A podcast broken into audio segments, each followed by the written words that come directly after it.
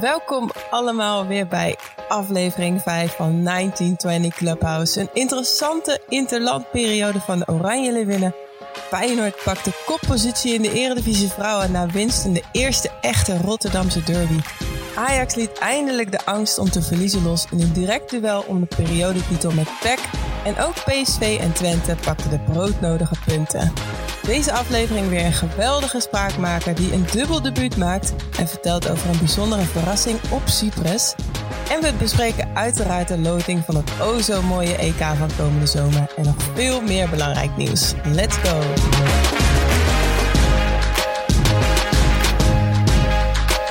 Hallo, Zenzi! Surprise, surprise! hallo, Leonne. Hoe is het? Ja, lekker. Ik heb een weekje vakantie gehad, dus ik ben er helemaal klaar voor. Ja, jij was uh, ergens in de buurt van Giethoorn, hè? Ja, ik, ik zat in de Weerribben. Ik kende het niet. Het is een uh, over, Overijssel. En ja, het is best wel een aanrader eigenlijk, want het is een heel mooi gebied. En uh, als je van een beetje van buiten houdt en wandelen en bootje varen, dan, dan heb je daar snel naar je zin, denk ik. Dus was leuk, ja. Klinkt heel erg goed. Ik uh, denk dat uh, een aantal luisteraars je wel even gaan opzoeken waar dit dan precies is. Nou, ik kan jou niet overtreffen als je volgende week op Curaçao zit. Ja. even afkloppen, hè? ja, ja. Don't jinx it. Nee, niet nog een keer. Al drie keer gecanceld. Nou, misschien moet je met Has meereizen, dan kom je wel ergens. Ja, als je, Hasna regelt het wel. Hasna regelt waar. het. Ja, ze regelden alleen niet dat ze er vandaag was. Dus wij hebben geregeld dat jij er wel bent. en uh, we hebben een vol programma, dus laten we snel uh, doorpraten. Want er is weer een uh, interlandperiode geweest. De tweede interlandperiode waar Mark Parsons, onze nieuwe bondscoach, bij is geweest. En wat is jou het meest blijven hangen van deze periode? Nou, het enige wat ik echt nog voor me zie is de goal van Merel van Dongen. de 8-0. Die, uh, die heb ik nog voor me. Ja, er zijn natuurlijk veel, veel doelpunten gevallen in de wedstrijd tegen Cyprus. En wat me ook wel opvalt, niet alleen per se in deze wedstrijden, maar ik vind dat uh, Lieke Martens en Jill Roord elkaar heel goed kunnen vinden. Ja. En ja, dat valt mij uh, nu meer op dan, dan eerst. Roord krijgt natuurlijk ook best veel uh, speelminuten nu. Maar die zoeken regelmatig de combinatie op waar ook kansen en doelpunten uitkomen. Roord die letterlijk drie, drie doelpunten binnenstruikelt ongeveer tegen Cyprus. Ja. Maar uh, wel een hattrick. Dus uh, ja, de, beide wedstrijden waren natuurlijk uh, niet, voor, niet het beste voetbal. Maar het moest wel gewonnen, wor gewonnen worden. En dat is, dat is gebeurd. Ja. Maar volgens mij was de leverde de drama eromheen meer nieuws op dan, dan de wedstrijd zelf. Ja, ja, ik, ik las op een gegeven moment een uh, stuk in de VI van Ivan van Duren over uh, Mark Parsons. Dat was echt uh, niet mals. Vorige aflevering hadden we, of twisten, wisten we nog niet waarom de bondscoach er nog niet was. inmiddels is daar meer duidelijkheid over gekomen. zijn reisdocumenten waren niet de juiste documenten. iets met een opgestuurd paspoort wat niet op tijd was. En uiteindelijk daardoor vier dagen later aangekomen op Cyprus in zijn Ploffie kwam die aan op de training. En uh, dat was ook het eerste, ja, dat was het eerste beeld wat je kreeg toen hij er weer was. En volgens mij heeft hij daar, uh, ja, echt geen goede beurt gemaakt. De, ik vond de speelsters nog heel positief, wat ik wel begrijp. Ja. Ik zou daar ook niet uh, naar de media toe negatief over zijn of zeggen dat het wat doet. Maar ja, ik kan me niet voorstellen dat dit geen effect heeft op het team en op zijn. Ja, het is nog steeds een soort nieuwe een nieuwe periode. Hij is nog steeds mensen aan het leren kennen. Er waren nu speelsters die er de vorige keer niet bij waren. En dit is dan je kennismaking. Hè, los van alles wat hij ontzettend goed doet in Amerika. Want daar ben ik echt wel van overtuigd dat hij een goede manager is. Uh, Zeker. Ik, ik denk gewoon dat dit, ja, deze keuze achteraf gezien door de KNVB, maar ook van hemzelf, om dit zo in een duo vorm te doen gewoon niet handig is. En ik vraag me ook wel eens af of hij uh, als manager, of het bij hem past dat hij een team niet, dagelijk, niet dagelijks ziet, maar ja, een week max per maand. Of dat ja. bij zijn stijl past. Ja. ja, dat is wel een goede eigenlijk. Dat, uh, dat vraag me ook af. Ik denk nu, je, je zag ook wel aan hem, vond ik, dat hij, hij zag er echt heel erg vermoeid, vermoeid uit. Ja. Ik denk dat ze je van tevoren ook wel had kunnen bedenken dat twee fulltime banen eigenlijk met elkaar combineren best wel, uh, best wel een ding is. Ja. En als je daar ook nog, nog voor de wereld af moet, moet reizen om er te komen. Dat vraagt gewoon heel veel van iemand. En um, hij heeft nu best wel veel kritiek ook gekregen, zoals je al, zoals je al aangaf. Ik hoop dat, ze dat, dat hij dat en dat ze dat als groep een beetje langs zich neer kunnen leggen. En uh, er wel mooie dingen uit gaan komen. Maar het is niet, het is niet de start die je hoopt te hebben, denk ik, als, als trainer. En dan, uh, ja, ik hoop oprecht dat hij met, met de Torns nog wel uh, het kampioenschap pakt. Want dat kunnen ze natuurlijk ja. nog steeds winnen. Dat, uh, dat gun ik hem wel. Maar de, ja, deze constructie is gewoon, is gewoon niet ideaal. En... Weet je, het, het is in die zin, het gaat nog maar één keer gebeuren. Hè? De, de, de volgende interlandperiode, mochten de Torns de finale halen, dan wordt die op 20 november gespeeld. Ja, 26 november hebben we weer een interland. Dan, uh, ja, dan is het hopen dat die gewoon uh, aankomt en ja. uitgerust nou, is en een goede indruk achterlaat. Heeft hij vijf dagen vakantie en dan, uh, dan kan hij door. ja. Dat, dat ja, lijkt dat me voldoende. Een... Ja. Nee, je moet natuurlijk ook nog voorbereiden hè? en reizen. Dus dat wordt ja. ook wel weer. Uh, in ieder geval heeft hij weinig tijd om, uh, om uit te rusten, denk ik, in die periode. Maar goed, dan is het de laatste keer. En uh, ja, het is natuurlijk ook zo. We moeten geduld hebben, denk ik. Maar dit was echt absoluut een tuurlijk. hele, hele slechte beurt van onze nieuwe bondscoach. Hm. Wat wel heel leuk was, is dat uh, uh, er iemand haar debuut heeft gemaakt in de wedstrijd tegen Cyprus. En dat is natuurlijk Jill Byings. En zij is deze week onze spraakmaker. Laten we gaan luisteren. Please hold for a very important message. Mijn ervaring bij de Oranje winnen en deze interlandperiode is natuurlijk eentje die ik nooit zal vergeten. Je speelt met de meiden van, die spelen bij Arsenal, bij Olympique Lyon, bij Barcelona. En het zijn allemaal meiden waar je vroeger allemaal tegenop hebt gekeken. En dat je dacht van wow, daar wil ik ook, ooit eens staan. En dat je daar nu dan samen met hun mag spelen is natuurlijk extra mooi. Mark had niet gezegd van ja, je gaat minuten maken of je komt erin. Dus voor mij was het een extra verrassing dat ik minuten kreeg tegen Cyprus. En uh, dat ik dat moment ook samen met mijn ouders kon delen was extra mooi. Zij waren als verrassing naar Cyprus gekomen. Dus ja, dat was wel een extra moment dat hun dan ook bij mijn debuut aanwezig waren. Um, ja, dus voor mij was dit echt wel een uh, onvergetelijke interlandperiode. En ja, dit ga je natuurlijk nooit meer vergeten. Want ja, vroeger droom je al van, ja, ooit wil ik ook daar staan. En dat dat moment dan daar is, ja, dat is natuurlijk extra mooi. En ja, ik hoop nu gewoon op, me, ja, op meer. Ja, dat was Jill Byings die haar debuut mocht maken tegen Cyprus. Speelster van natuurlijk SGS Essen.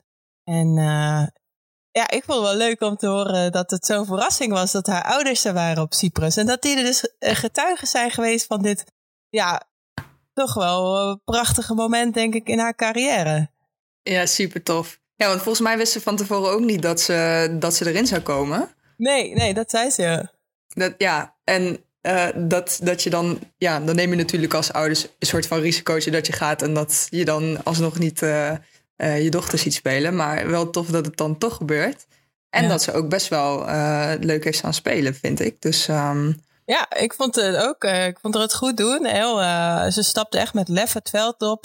Gelijke acties naar voren. En ja, wel dwingend. Dus dat vond ik ook leuk. En ik, ik was sowieso benieuwd gewoon hoe ze het zou doen. En ik hoop dat ze ook in wedstrijden wat meer gaat minuten, minuten gaat maken. Met wat, ja, wat meer tegenstand natuurlijk. Hè. Cyprus mm. was echt misschien wel het makkelijkste team wat ze in de afgelopen jaren ja. zijn tegengekomen. Ja. Dus en het is ook dus, dus een goede en fijne wedstrijd om je debuut te mogen maken uh, en een beetje in te komen. Ja, nu wil ik haar ook wel zien tegen betere tegenstanders. Want ik denk wel dat zij ja. in potentie een belangrijke middenveldster kan gaan worden. Ja, dat denk ik ook wel. Nou, wie weet tegen, als ze dan tegen Japan spelen. Want dat is natuurlijk niet, uh, of geen ja. slecht team. Dus ja, dat zou mooi zijn als ze daar ook wat minuten kan maken. En wat, nog wat kan laten zien. Ja, ja. Ja, en dan ben ik ook, want nu, we zijn een soort van nieuw speelsysteemachtig iets steeds aan het spelen met dat we in balbezit natuurlijk een beetje drie achterop hebben staan en dat Siska Volkertsma helemaal de rechtsbuitenpositie uitkomt.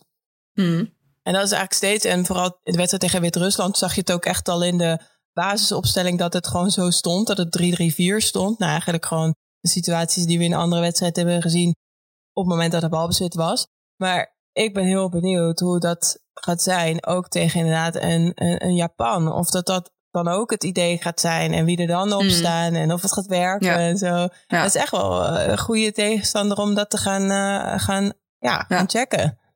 Ja, dan weet je eigenlijk pas echt of het loopt, hè? Ja, precies. En dan ja, worden de speelsters ook die nu de kansen krijgen, worden echt getest. En daar zit ik eigenlijk wel een beetje op te wachten. Want het zijn steeds gewoon ja, vrij matige tegenstanders. Waarin we uiteindelijk tegen Tsjechië, maar ook tegen IJsland niet heel overtuigend zijn geweest. Ja, dit mhm. wordt echt wel een soort van meetmoment van waar, waar staan we nu uh, met deze coach en met deel, dit systeem, met, met de keuzes voor speelsters uh, in de basis. Ja, ben wel benieuwd. Ja. ja, daar kijk ik ook wel naar uit. Ja, en waar ik ook naar uitkijk is het EK. En daar is natuurlijk de loting voor geweest. En ja. Ehm, ja. onze pool is wel een mooie pool. Met uh, de nummer twee van de wereld momenteel Zweden. Met Zwitserland, dat is de huidige nummer 20. En Rusland, de nummer 24 op de wereldranglijst. Wat is jouw oordeel? Wat is mijn oordeel? Nou ja, kijk, ik zat die loting te kijken en dan zit je natuurlijk wel zo van niet Zweden, niet Zweden, niet Zweden. Ah, kak. Maar uh, daar wordt de wedstrijd natuurlijk niet minder, minder leuk om. Want uh, het is wel, ik vind tegen Zweden altijd leuke, leuke wedstrijden. En de laatste keer hebben we hem natuurlijk gewonnen. Dus um, mm-hmm. ik ga er gewoon vanuit dat we hem, uh, dat we hem weer kunnen winnen. maar dat wordt wel de lastigste wedstrijd van de groepsfase, uiteraard. Ja. Misschien ook wel goed dat we daarmee beginnen. Want zo, vaak zie je wel eens dat uh, omdat je tegen wat makkelijkere tegenstanders speelt, uh, teams nog niet helemaal goed presteren en zeggen van ja, we moeten in het toernooi groeien. Maar misschien is het wel heel goed om gewoon meteen uh, erin te gaan en ja. meteen tegen Zweden te laten zien wat je kan en, en top te presteren. Maar ja, ik vind het een leuke pool. Ik vond eigenlijk, ik was ook wel gewoon enthousiast over de andere pools eigenlijk. Ja, Groep D, uh, Frankrijk, Italië, België, IJsland. Vond ik ook wel interessant. Ja, zeker. Ja, dus ik, ik weet niet, ik, ik kijk er überhaupt gewoon heel erg naar uit. ik ook. Hoe vond je dat ze de, de loting hadden aangepakt? Ik heb niet gekeken. Oké, dan praat ik je even bij. Want het, ik vond het best wel tof hoe ze het gedaan hadden eigenlijk. Sarina Wiegman kwam aan het woord. En ze liet vervolgens een filmpje zien waarin de, de trofee die, die Nederland destijds heeft gewonnen eigenlijk rondging bij bepaalde locaties en personen in Engeland. En dat deden ze eigenlijk best wel leuk. Zat ook wel humor in. Mhm. Het enige vond ik dan weer, want ze hadden het heel goed aangepakt. Alleen die personen die stonden dan zo met hun grote witte A4-blaadjes, die drie regels die ze moesten zeggen, uh, te vertellen. dacht ik, ja, misschien had je die uit je hoofd kunnen leren. maar goed, uh, oké. En daarna werden um, de, de locaties geïntroduceerd. Dus waar alle wedstrijden worden gespeeld. En daarvoor hadden ze een rap gemaakt. Dus daar waren twee Engelse uh, vrouwen uit, als ik het goed heb, Londen en Manchester. Mhm. Die een rap hadden gemaakt om de locaties te, te introduceren. Dus dat was wel heel tof. Mm en het filmpje daarbij ook. Ja, en daarna gingen ze over op uh, introductie van de personen die, die de loting, die de balletjes mochten, mochten openen. openen. En, ja, ja, en toen begon de loting. Dus, maar ja, ze hadden het wel gewoon Echt goed aangepakt. En het, ja, dus dat was wel goed. Ja, dat is zo. Het valt me sowieso gewoon op bij alles wat er nu een beetje in Engeland gebeurt. Dat ze echt wel begrijpen van oké, dit moeten we echt op de meest professionele en aangeklede en toffe manier doen ja. uh, als, als, als dat kan. En nou ja, dit klinkt dan ook weer uh, zoals dat er helemaal bij past. Ja, ja de, de volle zaal ook. Uh, ja, belangrijke personen die binnen het vrouwenvoetbal die aanwezig waren. En ik vond ook dat Nadine Kessler, die ja, hostte eigenlijk de loting, mm -hmm. het, het goed deed. En ook goed kon aanvullen met, met, met informatie, zeg maar. En echt, ja, ja deed het goed. Dus, um, nou, ik en vond het leuk om te kijken. Alle bondscoaches aanwezig op één na, denk ik. oh. Yep. yep. Uh, goed, consequenties allemaal. Nee, maar tof. Uh, Ik ben ook, ik kreeg er door die loting, of tenminste door dat ik de pool zag, ook echt zin dat dat, dat, dat EK uh, wel begin, mag beginnen nu. Mm. Het is echt tof. Ja, ik voel me ook bij, ik, ik voel me gewoon verplicht ook om te gaan, omdat het zo dichtbij is. Dat ik dacht gewoon, ja. denk, ik moet hier naartoe. ja. Snel tickets bestellen. ja, ik heb dat wel ooit gedaan voor de Olympische Spelen 2012. Die waren natuurlijk ook in, uh, ja, Londen. in Engeland. Vet. Ja. Dus toen uh, ja, ben ik naar een wedstrijd van Amerikaanse vrouwen geweest. Uh, ja, ja, awesome. Welke wedstrijd was dat? Ja, het was niet de meest belangrijk. Eigenlijk was het een groepsfase. Was op Old Trafford tegen Korea moesten ze. Oh ja. Um, dus uh, ja, die was makkelijk gewonnen. Maar het was echt wel een hele toffe ervaring. Ja, ik kan me ja. voorstellen. Ja, ik hoop dat er veel Nederlanders, mocht het situatie toelaten natuurlijk, uh, naar Engeland meereizen om de wedstrijden te gaan zien. Dat hoop ik ook. Over uh, reizen gesproken. Het was voor het Oranje elftal nogal een gedoe om, om in Wit-Rusland te komen afgelopen week die wedstrijd had natuurlijk al wat, uh, wat voeten in de aarde. Want uh, ja, er mochten voor de wedstrijd geen, uh, geen uitspraken over gedaan worden. Maar wat dus het punt was met het reizen, is dat Wit-Rusland heeft nu sancties opgelegd gekregen. En er vertrekken dus geen reguliere vluchten meer vanuit de Europese hoofdsteden naar de stad Minsk, waar de Nederlandse elftal moest spelen. Ja. Um, zij moesten dus een Russisch uh, vliegtuig inhuren om daar te komen. Nou, die sancties die, die hebben allemaal te maken met de, de mensenrechten schending waar, waar um, ja, Alexander Lukashenko verantwoordelijk voor is. Mm. En Europese luchtvaartmaatschappijen die proberen eigenlijk ook het luchtruim van Wit-Rusland te mijden. Ja. En Wit-Rusland die laat uh, andersom weer geen vluchten toe uit bijvoorbeeld uh, Oekraïne. Mm. Wat ook betekende weer voor het Nederlands elftal dat ze een heel stuk om moesten vliegen. Dus um, ja, alleen al om er te komen was, uh, was, was ook al een heel verhaal. Ja. Toen ik dit las, was het eerste wat ik me afvroeg van... ja, is, is het wel veilig genoeg eigenlijk? Dat is de eerste gedachte Ja. die ik had. Ja, dat werd al aangegeven van dat uh, is iets wat altijd voor de wedstrijd onderzocht... of ja, voordat ze er naartoe gaan onderzocht wordt. En niet alleen bij dit soort landen, maar altijd. Mm. Maar ja, nee, ja het, voelt toch niet, uh, het voelt toch niet lekker natuurlijk. Ik vind het best wel in, uh, bijzonder. Ook omdat natuurlijk duidelijk werd dat uh, de mannen altijd in Kazan spelen, op neutraal terrein, zo gezegd. Hmm. Uh, en, de, en dat de vrouwen gewoon wel in Minsk spelen. Ja. en, en het bleek dat dat eigenlijk ervan afhangt dat het, het team dat zelf bepaalt. Dus de mannen van Wit-Rusland hebben daar dus wat over te zeggen. En die zeggen wij spelen in Kazan. En blijkbaar doen de vrouwen dat niet. En ik vraag me dan gelijk af, Hm. uh, wordt het die vrouwen daadwerkelijk gevraagd of ze, waar ze willen spelen? Of wordt dat gewoon vanuit de bond zo gedaan? Dus ik vond het een super raar verhaal. En ik had precies hetzelfde. Ja. Dat ik dacht, ja, is het daar wel veilig? Uh, niet alleen door alles wat er daar aan de hand is. Ik bedoel, er staan dagelijks mensen te protesteren. Er worden dagelijks mensen nou ja, op verschrikkelijke manieren opgepakt. En, uh, en Hmm. uh, volgens mij is er ontzettend veel homofobie daar. Uh, Hmm. En ik, wat dat betreft, ergens had ik wel ook gewoon gehoopt dat er wat vanuit het Nederlands vrouwenelftal zou worden. Ja, misschien gezegd of gedaan of wat dan ook. Hmm. Maar ja, het Ja. was eigenlijk net zoals wat we bij de mannen zien. Gewoon dat speltje. En Ja. that's it. Ja, ik, uh, ik deel die mening. Ik vond het ook te, te weinig. Maar ja, we weten natuurlijk niet wat, uh, wat er achter de schermen hierover gezegd uh, wordt en wat wel en niet kan.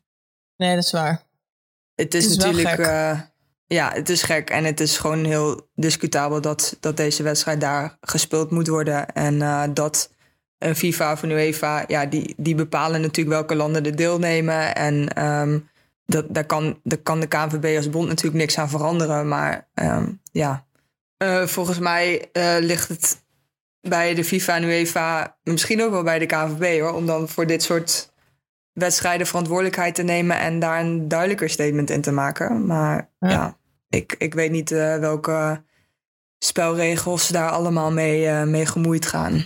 Nee, ja, ik had zoiets van: oké, okay, als, als, als de mannen dus op neutraal terrein spelen en uh, dat daar is blijkbaar reden toe, Mhm. mm. dan lijkt me dat UEFA of FIFA dan ook daarin verantwoordelijkheid kan nemen en zeggen van oké, okay, dan dus die andere teams ook. Volgens mij heeft Jong Oranje ja. daar zelfs een wedstrijd in Minsk moeten spelen dat de, dat de, de tanks door de straten reden, weet je wel. Dat zou natuurlijk niet moeten kunnen. Het feit dat je er niet normaal naartoe kan reizen, omdat er sancties zijn, is natuurlijk ook echt dat je denkt, ja, hier kun je toch ander beleid invoeren. En ja, ja soms, het is gewoon, uh, ik vind het gewoon lastig, weet je. Net als Qatar, eh, ook een Wit-Rusland krijgt een toernooi toegewezen. Een onder 19 meiden toernooi, wat vorig, vorig jaar eigenlijk had gespeeld moeten worden in de zomer. Dat werd door corona gecanceld. Maar ze krijgen dat toernooi wel. Daar begrijp ik gewoon echt niks van. Nee. nee, daar begrijp ik ook niks van. Ik vind het ook heel moeilijk. Ja. ja. Dus, uh, ik, ik, weet ook niet wat ik zou doen als speler hoor. Ik, ja. Het is ook lastig. Je wil, je wil wel spelen en je wil wel naar het WK. En als er niet waren opkomen dagen, dan verlies je de drie punten. Ja, dat, zeg maar, je, weet niet, je weet niet welke beslissing goed is. Van nee. wel gaan en een statement maken of een statement maken door niet te gaan. Weet je, het kan natuurlijk, het kan beide. Maar ja, je, ja, wat is, wat is oké? Dat... Ik, ik denk ook niet dat het uh, veel zin heeft om een wedstrijd of een toernooi te boycotten. Hè? Want er wordt ook vaak over de spelers van de mannen uh, elftal gezegd van ja, ze moeten Qatar boycotten. Maar eh, zij zitten in de consequentie van het beleid wat ergens al veel eerder is gemaakt, wat nooit gemaakt had moeten worden. Dan vind ik het mhm. echt heel oneerlijk dat het dan bij hun wordt neergelegd. Zo van ja, dan moet, maar dan moeten zij niet gaan. Ja, hallo. Je bent Nederlands zelf speler. Je wilt gewoon toernooien spelen. Je wilt op het hoogste niveau staan. Uh, En toevallig uh, hebben er een paar uh, onbetrouwbare gasten die zichzelf hebben laten omkopen, hebben gekozen voor Qatar.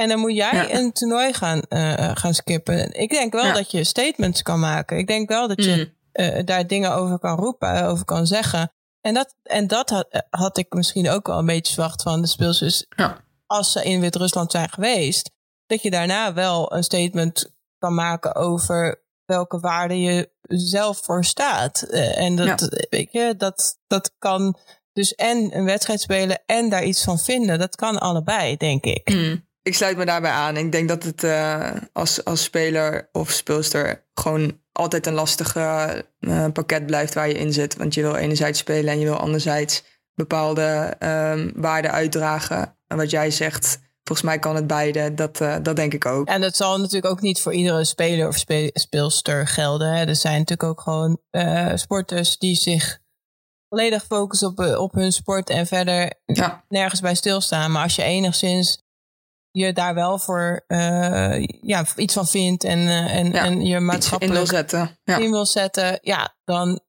dan zijn dit mooie haakjes om iets te zeggen. Alright, dan uh, laten we doorgaan naar wat er hier in Nederland allemaal is gebeurd. Afgelopen weekend in de Pure Energie Eredivisie Vrouwen. Laten we luisteren naar jouw overzicht.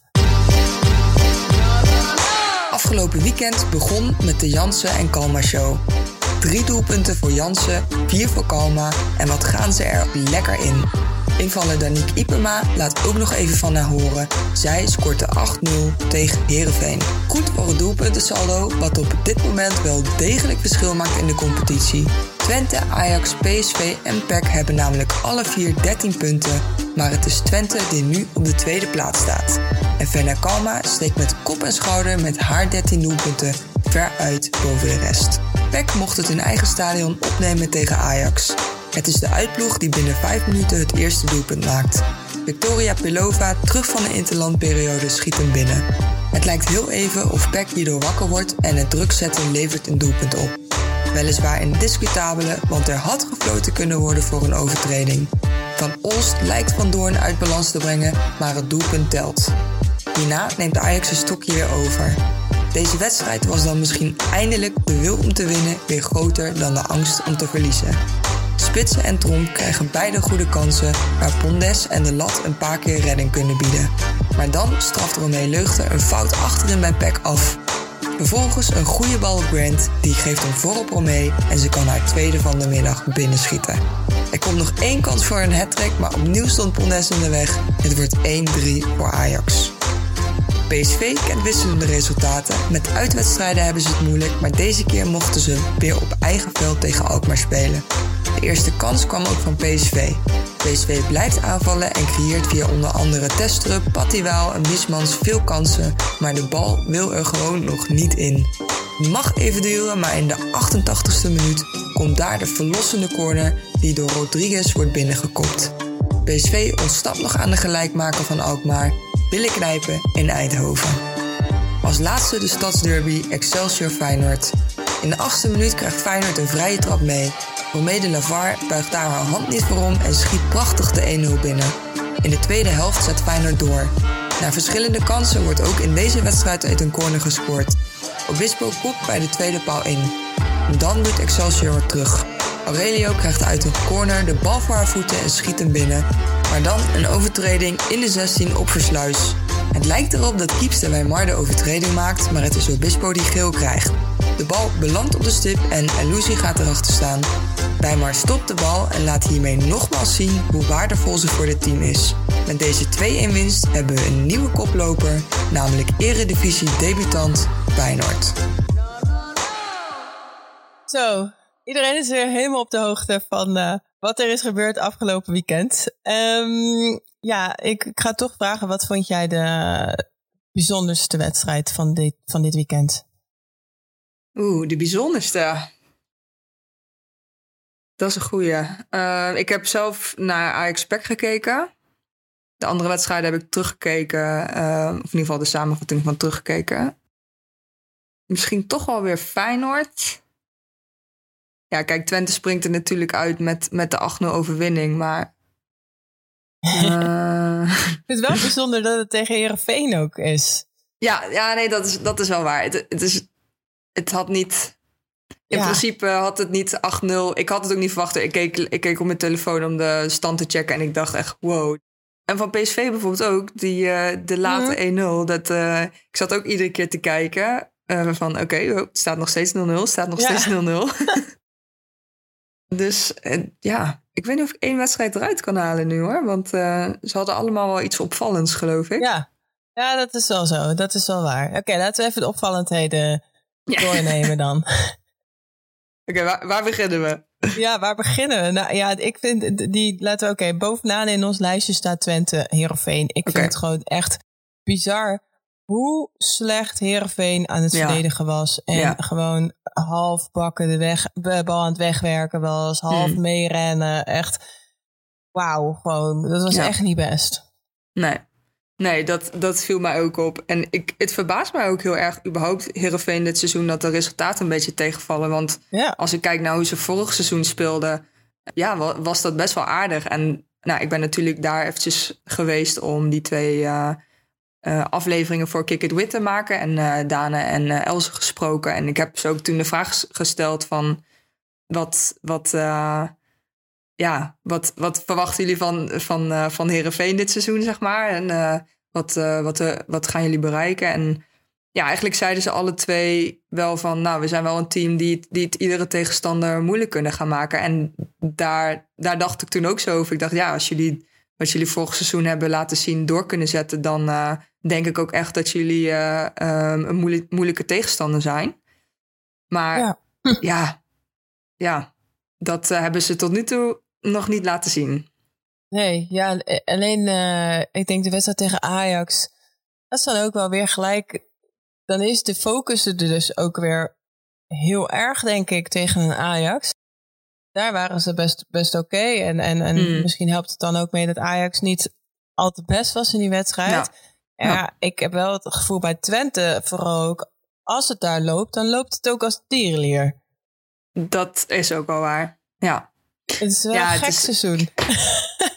ja, ja, Jansen en, en Kalma die zijn natuurlijk, uh, die staan echt op scherp en die, die scoren iedere wedstrijd. Ja, um, ja. Echt ja, dit, dit, was, dit was wel extreem. Maar het waren ook wel weer gewoon mooie doelpunten. Ja, hè? Vond ik ook. Ja, ook die laatste van de Nick Ipema was echt ook heel knap. Ja. Echt tof. Ja. Nou ja, en, en eigenlijk wat je net ook al zei. PSV wat eigenlijk gewoon tot in de blessuretijd volgens mij op 0-0 staat. En dan met een nou ja, beetje moeilijke goal weet te winnen tegen VV Alkmaar. Zegt ook dat VV Alkmaar aan een aardige fase is begonnen. Maar ik maak me dit seizoen wel zorgen over PSV. Ze zijn nog niet... Ja. is echt nog niet overtuigend dit seizoen. Nee. Nou, alleen thuis weten ze te winnen. Maar uh, ja. ja. overtuigend is inderdaad anders. Nee, ik denk wel dat ze Esmee Brugt wel erg hebben gemist. Maar Mm. ja, eh, daaromheen mis je... Ja, ik denk toch nog steeds een soort van power en aanspeelpunt op het middenveld. Mm. Dat het nog steeds niet echt is. En, en soms mis ik bij hun ook, en dat was natuurlijk vooral de wedstrijd tegen Feyenoord, zeggen dat heel erg, dat ze gewoon zelf er ook niet altijd in geloven. En dan gaan dingen ook niet meer samen. En dan is het niet als collectief. Nou, ja, eh, komende zondag wordt dat wel een, een, eh, een goede clash Ja. tussen eh, twee Ja. teams die eigenlijk nog niet tot hun volledige potentieel zijn gekomen dit seizoen. Ajax en PSV. Ja, maar bij PSV deze wedstrijd was het, zo, was het niet zo dat ze geen kansen creëerden. Eigenlijk waren er best wel wat kansen, best wel veel kansen. Maar Ja, gingen wel er gewoon niet in. Ja, nou, ik moet zeggen, het, ja, er waren kansen, maar ook weer niet extreem veel of zo. Het was niet dat je denkt, zo, dit, dit, dit, had echt 8-0 kunnen worden, bij wijze Ja, van. nee, Het nee, dat niet. Nee, nee. En ze hadden ook nog, eh, VV Alkmaar had ook een paar goede kansen. Ja, zeker. Ja. Dus het, eh, ja, ik eh, vind het interessant wat hier gebeurt in deze competitie. Ja, ja, en eh, Rotterdamse derby was ook nog wel redelijk, redelijk spannend. Het had op, de, op het laatste moment zelfs nog 2-2 kunnen zijn. dat klopt. Dus- Dat klopt. Met de die, over met de die sloot. penalty nog, ja. Ja, ook nog, ja. ja, ja, ja. Dus het Dat is... was wel een discutabele. Ik weet, ik weet nou nog steeds niet. Ik zat dat terug te kijken. Dacht, wie, ma wie maakt nou de overtreding? Ja, ik dacht bij Mar. Ja, maar Obispo krijgt geel. Ja. ja, ze kunnen natuurlijk niet... Ja, zij kunnen Ja. het verder niet terugzien, die, die, die Nee. grens en de scheids. Dus ze moeten kiezen. In ieder geval, goede Ja. beslissing om die pingel te geven. Want het was er ook Dat gewoon wel. één. Dat wel, ja. Ja, Obispo was er wel ergens bij betrokken misschien. Maar de echte overtreding was wel van Weimar. Ja, duidelijk. Van maar, ja. Oké. Nou, Nou ja, ze, ze maakte de fout vervolgens dan ook meteen weer goed. Dus eh, Echt hè? ja, ja. Helemaal prima. mooi dat ze die stopt. En Ja, alle goals, en- zeg ik dat goed? Alle goals uit eh dode spelsituaties. Twee keer een corner en een vrije trap. Ja. Dat vond ik ook wel opvallend. Inderdaad, ja. Dat was ook al, eh, nou in ieder geval van Feyenoord zijde, bij PEC natuurlijk. Toen scoorden ze ook vanuit de corner. Ja, het is wel, het is wel vaker een ding bij Feyenoord, dat ze uit corners en eh door je spelmomenten scoren. Ja. Ja. Gaan het in de gaten houden. In ieder geval heeft Feyenoord nu de koppositie te pakken. Ja. Wie had dat verwacht? Ik niet in ieder geval. Nee. Nee, ik ook niet. Maar ja, ik, ik had ook niet verwacht dat Peck eh, een tijdje de koppositie zou hebben. Maar eh, Nee, ja. dat is waar. Nee, dat is helemaal waar. En eh, eh, nou ja, goed. Het ging dus eh, uiteindelijk ook, of het gaat nog steeds om de periodetitel. Dat is dit seizoen voor het eerst. Eh, er zijn eh, drie periodetitels te winnen. En natuurlijk een uiteindelijk kampioenschap. Nou, die vier teams gaan dan in de Eredivisie Cup na afloop van de hele competitie gaan ze een soort mini-toernooitje doen met halve finale, finale. En daar komt dan een Eredivisie Cup winnaar uit. Dus daar zijn de periodetitels voor. Maar het is ook gewoon een soort van, ja, wel een soort eer als je, stel Ja. dat het lukt voor Feyenoord. Stel dat ze van Twente weten te winnen, bijvoorbeeld komend weekend. Dan eh, pakken ze gewoon direct in hun debuutseizoen de periodetitel, de eerste. Nou ja, ze moeten. Nou, het is de eerste keer dat ze, dat ze tegen Twente gaan spelen. Dus dat is sowieso al interessant. En dan staat er ook Mhm. nog eens dit op het spel. Ehm, en Feyenoord speelt thuis op Varkenoord. Jij hebt het al eerder gehad over het Valkenoord-effect. Ja, Hoe, hoe kijk je naar deze wedstrijd? Denk je dat ze hem eh, kunnen pakken weer? Nou, ik, to- ik moest toevallig vandaag ook eh, een interviewtje geven. Iemand dat is bezig met de analyse over Feyenoord Twente. En toen zei ik ook, ja, als, als eh, Feyenoord punten gaat pakken, dan is het dankzij het Varkenoord effect. Ik hou hem Ja, er gewoon nou, in. Kijk, Want ik, ja. ik, ja, het is gewoon de vraag hoe Twente daarop gaat reageren. Hoe zij, Ja. eh, hoe zij het op Varkenoord gaan doen. Je weet dat ze gaan stormen. Je weet dat het publiek erachter gaat staan. Je weet dat ze collectief zijn. Maar ik vind Twente is ook meer een collectief dan PSV en Ajax dat zijn. Dus dit wordt wel echt een enorme krachtmeting. En Ja. dit kan ook weer alle kanten op gaan. Het kan zomaar zo Mm. zijn dat Twente hier met, eh, met 4-0 wint. Maar het kan ook weer Ja. zijn dat Feyenoord gewoon de punten, punten op Varkenoord houdt. Ja, leuk. Ajax, PSV, Twente, Feyenoord kunnen nog alle vier de periodetitel pakken. Ja. Maar als Feyenoord wint, dan heeft Feyenoord hem. Ja, tof. Als Twente wint, denk ik dat... Uh, ik, ik, denk niet dat uh, de andere teams Twente nog inhalen qua dit moment. Sowieso niet. dus uh, ik denk dat gewoon de winnaar van de wedstrijd Twente... of Feyenoord-Twente de, per ja. de periodetitel heeft. Ja, ja, heel spannend. Dus uh, nou, allemaal kijken komende vrijdag en uh, zondag. Ik hoop dat Feyenoord een livestream gaat, uh, gaat fixen voor deze wedstrijd. Dus het zou wel erg fijn zijn om dit te kunnen volgen, de hele wedstrijd. Ja. En dat brengt ons bij ons laatste blokje van deze aflevering. En dat is natuurlijk het laatste nieuws. Ja, nee, vind ik mooi om te horen. Let's go!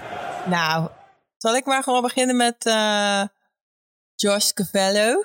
Ja. ik, ik wist dat je daarmee zou gaan beginnen.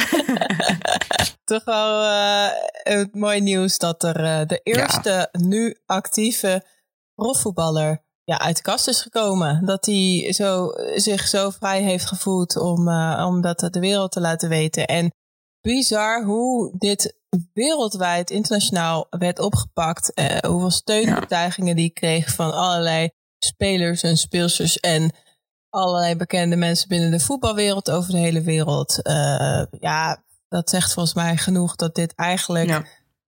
Nergens op slaat, zeg maar. Nee. Dat, dat dit niet zou moeten. Ja, het zou niet moeten hoeven, maar de, ik zit zo ja. in zo'n dilemma steeds dat ik denk dat ik heel blij ben. En dat ik ook denk, jezus hé, wat is dit? Even serieus, waarom is dit zo'n wereldnieuws? Ik had wel precies logisch, hetzelfde. Maar... Ja, ja, ja. nou ja, ik, ik, ben wel blij dat het nu inderdaad dat, dat hij naar voren is gekomen. En uh, hopelijk ook door, juist door alle zichtbaarheid en positieve reacties, ook andere spelers zich ja, in ieder geval gesteund voelen om uh, ook uh, ja, gewoon zichzelf te kunnen zijn. Ja, dat, dat, ik, ik hoop echt dat het juist doordat het zo massaal is opgepakt, dat, ja. dat, dat al die gasten nu zien van, oh, eh, dit, dit, dit maakt echt niet uit. Dit, dit kan gewoon. Ja. Laten we nu gewoon lekker onszelf zijn en er geen ding meer ja. van maken. Hallo, ik ben homo. Ja. Zal ik de, de volgende erin slingeren? Okay. Ik, uh, ik ga even naar, uh, naar Amerika. Mm -hmm. Want uh, Kansas City heeft namelijk twee dingen gedaan afgelopen week. Eén, ze hebben een rebranding doorgevoerd en gaan nu door als de Kansas City Current. Mm -hmm. Nou, daar hoort een nieuwe. Ja, ze hebben het logo iets veranderd en andere shirt. En vlak voor deze aankondiging kwam naar buiten dat ze het eerste uh, voetbalstadion voor een NWSL-team gaan bouwen. Uh, gaat wel zo'n 70 miljoen kosten. Dit wordt uh, gefinancierd door de eigenaren. Het is allemaal private funding. Dus nou, op bizar. zich natuurlijk niks, niks mis mee. Maar wel bizar dat zij met elkaar 70 miljoen... wat, vast, wat vast meer gaat worden. Hè? Dat, zulke dingen lopen, lopen altijd op. Maar ik vond het gewoon echt heel tof. Ook hoe ze het gedaan hadden. Um, anders moet je misschien even... Als je het nog niet gezien hebt... naar de, de Casey Current Twitter-account gaan. De filmpjes die ook bij de lancering van... Uh, de rebranding hoorden, um, de, foto, of ja, de foto's, de visuals van, het, van hoe ze willen dat het stadion eruit komt te zien, is gewoon echt heel tof. En dat er nu dus een stadion voor, een vrouwen, uh, voor het vrouwenteam gebouwd gaat worden. Ja, dat vond ik, vond ik, gewoon heel tof. Daar ben ik heel blij van. Ja, echt sick. Dat er, dat er zo'n massaal stadion gebouwd gaat worden, speciaal voor dit team.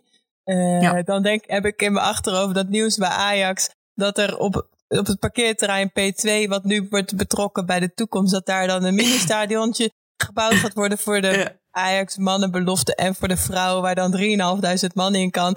Uh, ja. En dan dit nieuws. Ik denk, wow, oké, okay, verschil moet er zijn. Ja, ja, ja, dit is gewoon echt uh, tof. Ik hoop dat uh, ja, op termijn meer teams dit voorbeeld kunnen gaan volgen. Ja, precies. En dat het uiteindelijk dat de stadions zich blijven vullen en dat het publiek ja. groeit. En dat heeft er alles ja. mee te maken dat natuurlijk dat er één wordt geïnvesteerd hierin en dat, er, dat het zichtbaar is. En dan zie je dat dit soort sporten dus ja, ongelooflijk snel groeien en dat dit een nieuwe, ja, dat dit de toekomst eigenlijk is. Ja, oké. Nou, dan ga ik ook maar mijn volgende nieuwsitem erin gooien. En dat is niet zo'n heel gezellig nieuwsitem. ik denk dat een aantal mensen wel wisten wat er de afgelopen, tenminste de afgelopen, vooral tot 2015, aan de hand was bij het Spaanse nationale vrouwenelftal. Maar er is nu een documentaire in Spanje uitgekomen over het misbruik van Spaanse bondscoach Ignacio Quereda. En hij was natuurlijk bondscoach van 1988 tot 2015. Dus besef even hoe lang dit is geweest. Hoe lang er vrouwen in dat team hebben gespeeld. En ook meiden, want soms kom je op een hele jonge leeftijd al bij het nationale team. En uh, ja, ik ga gewoon een aantal quotes uit deze uh, documentaire uh, laten horen. Die speelsters en betrokkenen eigenlijk ja, allemaal uitspreken wat er in deze periode allemaal is gebeurd en wat hij deed. hij begon daar namelijk als een hele vriendelijke man, maar dat werd al snel heel erg naar. Bijvoorbeeld tijdens trainingspartijen liep hij rond en dan riep hij dingen naar speelsters als je bent dik of je hebt een alfa man nodig als partner. En hij genoot er ontzettend van om speelsters te kleineren waar iedereen bij was. Dan denk je, ja, hoe hou je dat vol? En, en, en Vero Boquet, natuurlijk bekend Spaans international, uh, geeft daarin aan dat ze ja, het speelsters probeerden elkaar te steunen, elkaar er doorheen te trekken om het eigenlijk vol te houden. Vicky Lozada, natuurlijk ook een bekende, bekende international, die zegt, uh, zij kwam daar als 19-jarige in een groep en als je ziet dat oudere speelsters hiermee dealen, dan creëert dat een cultuur en dan creëert dat een gewoonte. Het werd dus eigenlijk normaal voor haar. Zij kwam in dat team en dacht: oké, dit is wat hierbij hoort. Er zijn speelsters die tien jaar onder hem gespeeld hebben, nooit één gesprek met hem hebben gehad. Ze waren bang voor hem, ze ontliepen hem in de gang in het restaurant. En dan denk je misschien dat de bond hier wat aan doet, maar voormalig bondspresident Villar uh, die vond het eigenlijk wel prettig dat de vrouwen gecontroleerd werden en uh, dat alles lekker gewoon klein bleef. Uh, en hij, ja, hij gaf bijvoorbeeld guidelines door um, aan die meiden hoe ze het team positief moesten verkopen. Vicky Lozada had bijvoorbeeld zes interviews voor een WK staan. Hij heeft die allemaal gecanceld. En een belangrijk detail, we hebben het net al over homoseksualiteit gehad. Uh, de bondscoach wilde homoseksualiteit uitroeien. Hij vond het een ziekte en dat liet hij ook zeker weten. Um, het team bereidde zich niet voor onder hem. Uh, speelsters gingen onderling maar tactieken bedenken omdat er gewoon niet op werd getraind. En godzijdank uh, hebben de speelsters collectief een brief aan de bond geschreven om hem eruit te krijgen, om hem te laten ontslaan. De bondsvoorzitter waar ik het net over had, verscheurde de brief en riep dat het onzin was. Daarna zijn de speelsters naar de media gestapt en hebben de brief gepubliceerd. En the rest is history. Hij is godzijdank ontslagen, maar mm. Echt bizar wat voor details er in deze documentaire naar buiten komen. Ja. Kan gewoon, ik kan hier gewoon ook heel boos van worden. Ja, ik ook. Elke keer als ik het lees, denk ik echt, what the oh. fuck? Ik, ik wist wel wat, wat van deze man en uh, waarom. Mm die, die brief heb ik toen tijd wel voorbij zien komen. Maar wat hij gewoon allemaal gedaan heeft, denk je echt, jezus, hoe hebben ze dit volgehouden? En ja. Oh my god, echt, hoe, hoe kan het toch dat dit in, vooral in, in, in vrouwentakken van sport nog steeds gebeurt? Ja. Ja, daar heb jij ook een update over, denk ik.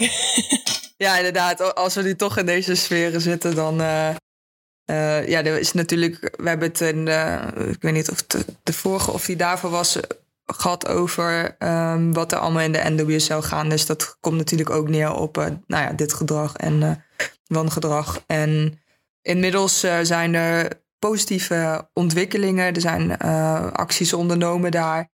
Op 6 oktober hebben namelijk de speelsters in de zesde minuut van de wedstrijd het spel voor één minuut stilgelegd. De beelden daarvan, ik kreeg de kippenval van. Het was, ik vond het heel mooi om te zien dat ze eigenlijk allemaal, alle speelsters en staf van beide teams bij elkaar kwamen rondom de middenstip. En iedereen uh, daar uh, ja, hand in hand zeg maar, met elkaar stond.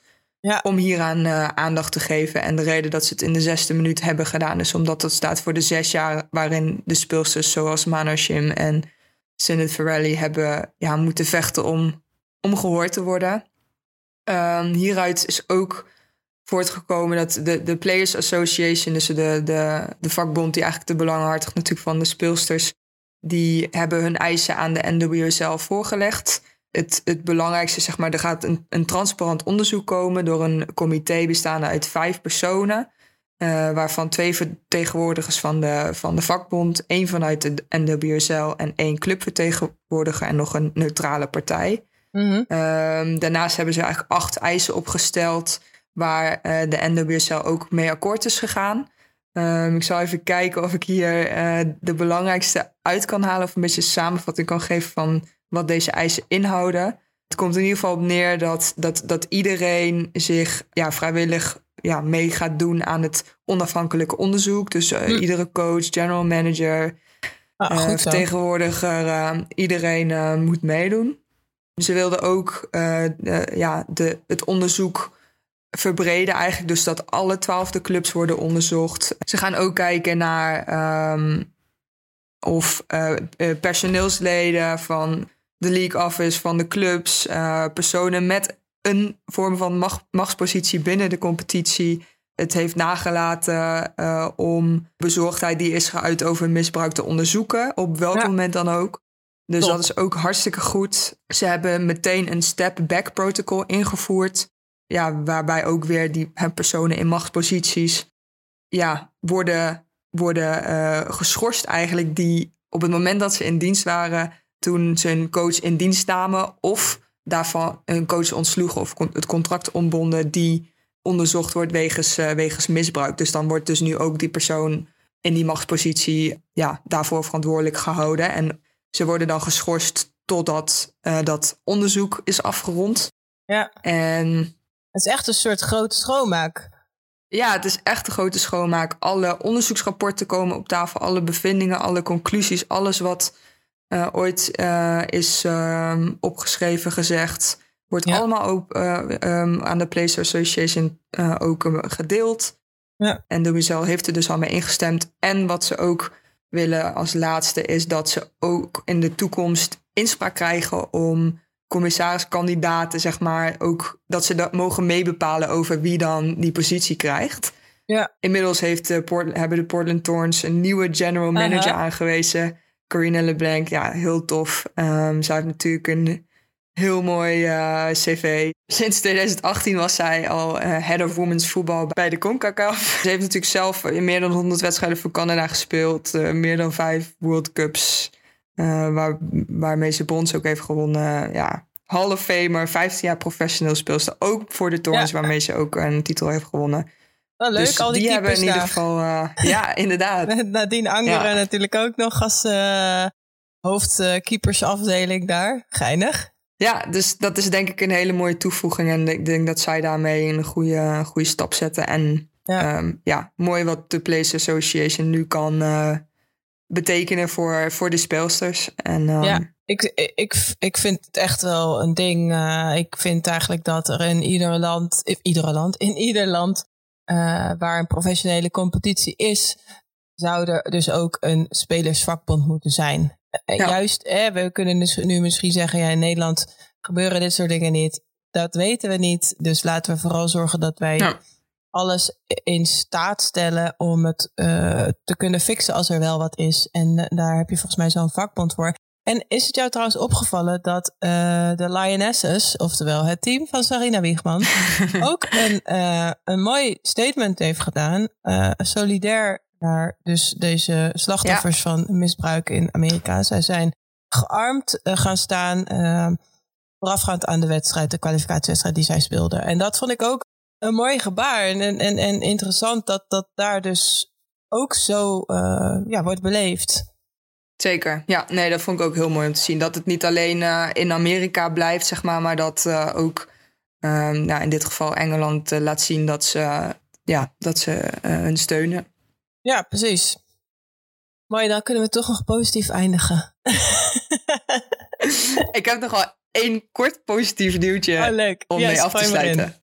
Doe maar. Want Viviane Minima is genomineerd voor de titel van BBC Wereldvoetbalster van het jaar. Yes. En ze neemt het daarin op tegen uh, Alexia Putellas van Barcelona, Sam Kerr van Chelsea, Ashley Lawrence van PSG en Caroline Graham Hansen van uh, Barcelona. En ja. je kan nog tot 8 november stemmen. Dus wil je Minima steunen, of misschien is iemand anders wel favoriet. Maar uh, dan kan je dit doen via de site van BBC Sport. Heel tof. En uh, ja, het, het, het strooit allerlei nominaties en, en uh, lijstjes. Uh, ik, ik mag ook weer mijn, mijn keuzes door gaan geven aan een zekere ja, krant in Engeland. dus ik zal Minima ook zeker op mijn lijstje gaan zetten. Maar echt heel top. ja, en terecht natuurlijk. Ze heeft echt een ontzettend goed jaar gehad. Um, ja. Dus ja, mooie dingen. Zeker. Tof. Nou, dat was het weer voor vandaag. Bedankt allemaal voor het luisteren. En uh, jij bedankt, Cincy, voor het zijn hier. Graag gedaan. Bedankt. Ja, en tot de volgende keer. Tot uh, de volgende. Ja, misschien al wel weer sneller. Als, jij, uh, als jouw vakantie doorgaat, dan zal ik wel weer moeten vallen. Klinkt alsof je het heel stom vindt. Oh nee, dat is, dat is niet waar. Nee, geintje. Doei. Bye.